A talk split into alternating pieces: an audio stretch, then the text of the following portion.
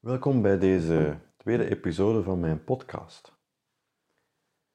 Ik ben Mark Verelst en ik ben mindfulness trainer en oprichter van Milder Mindfulness. En ik wil even teruggaan naar, ja, ik denk nu iets meer dan een week of twee weken terug, was ik bij een openbaar interview van uh, Ilya, Ilya Leonard Pfeiffer, een Nederlandse auteur, die een hele tour nu deed door België en Nederland, met interviews en lezingen over zijn briljante roman, uh, Grand Hotel Europa. En in die roman en in die interviews, um, vooral in de roman dus, speelt eigenlijk Europa, zoals het ook al doet vermoeden, eigenlijk een hoofdrol.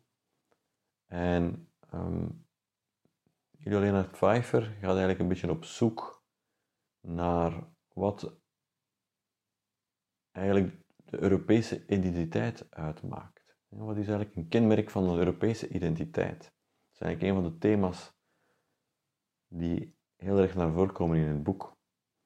En Pfeiffer die komt eigenlijk uit als een, als een kenmerk, een belangrijk kenmerk volgens hem van Europa, van een Europese identiteit, is dat we eigenlijk collectief een beetje een hang hebben naar um, ons glorieus verleden. En dan zit er erbij nog bij dat het eigenlijk een hang is, dat deze hang naar het verleden, dat het eigenlijk bijna een constante is. Dus Europa staat eigenlijk met het gezicht naar het verleden. Ja, we leven eigenlijk ook letterlijk bijna tussen de reële brokken van het verleden. We, we zorgen eigenlijk bijna angstvallig voor ons erfgoed.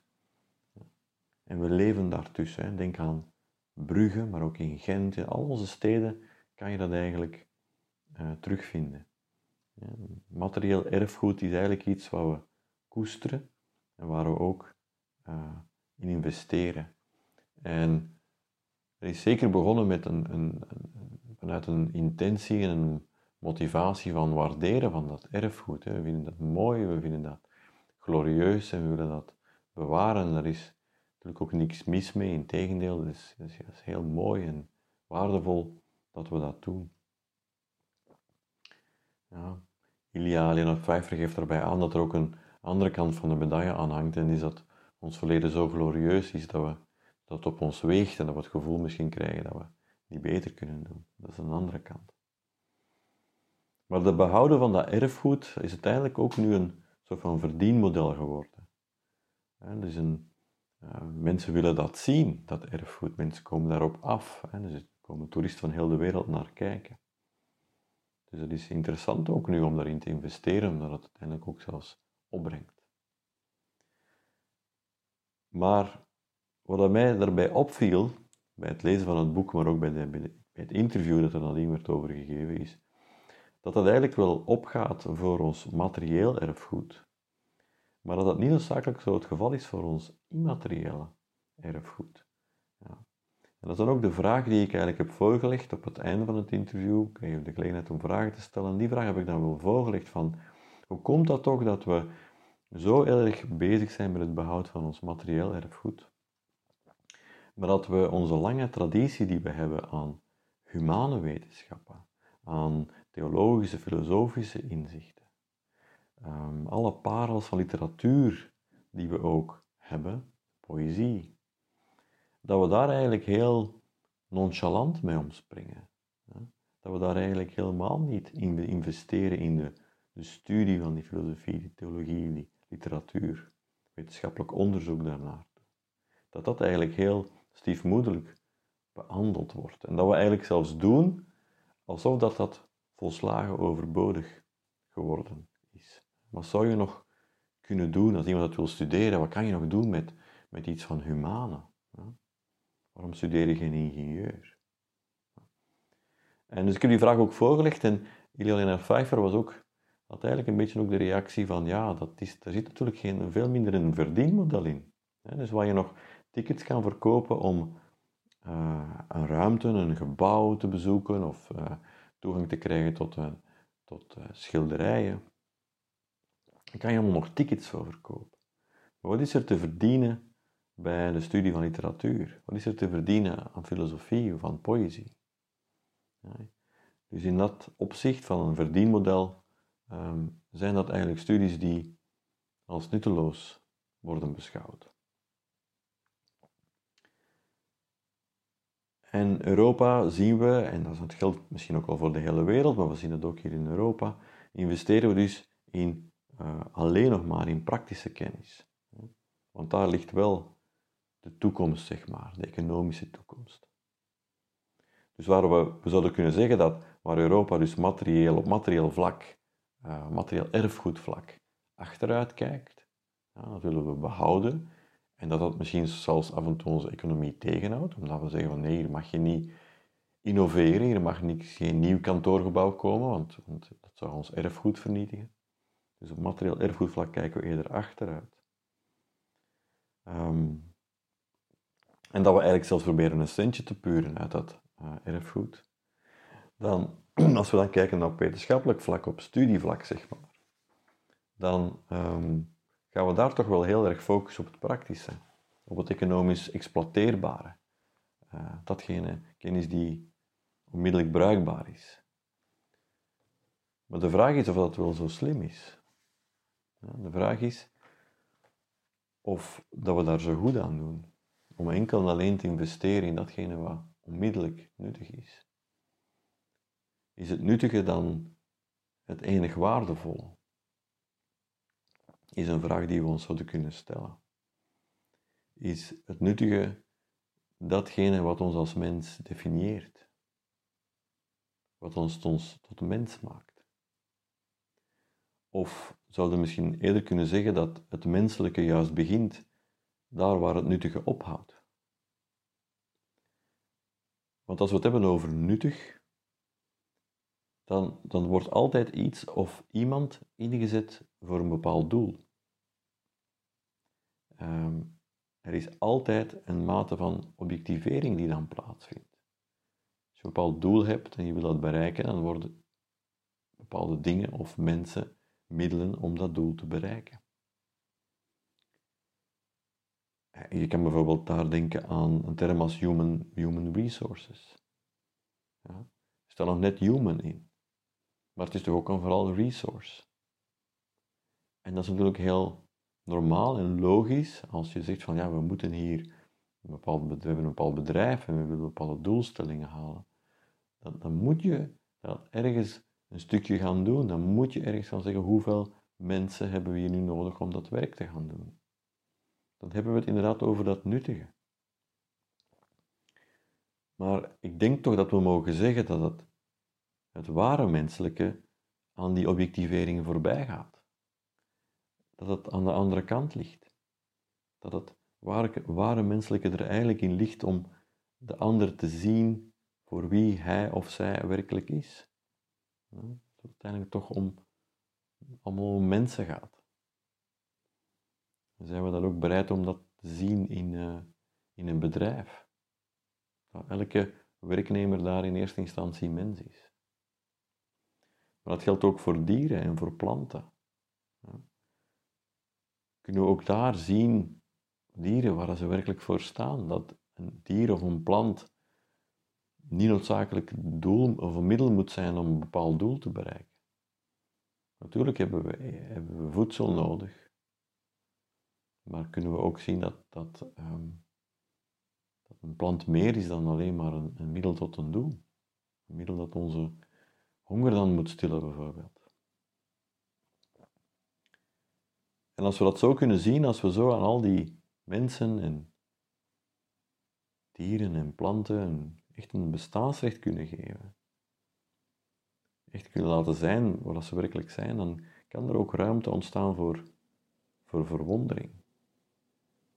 Ja, verwondering dat, het, dat ze überhaupt bestaan. Dat het er allemaal is.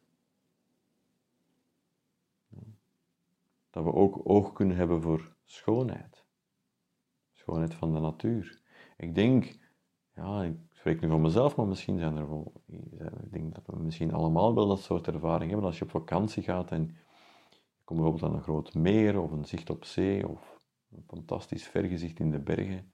En dat je echt dat gevoel kan hebben van, wauw, wauw, dit, dit, is toch prachtig. Ja. gevoel van totale verwondering. En dat kunnen we ook hebben bij kunst, bij cultuur, bij literatuur, bij poëzie. Die totale verwondering. En in die verwondering worden we mensen.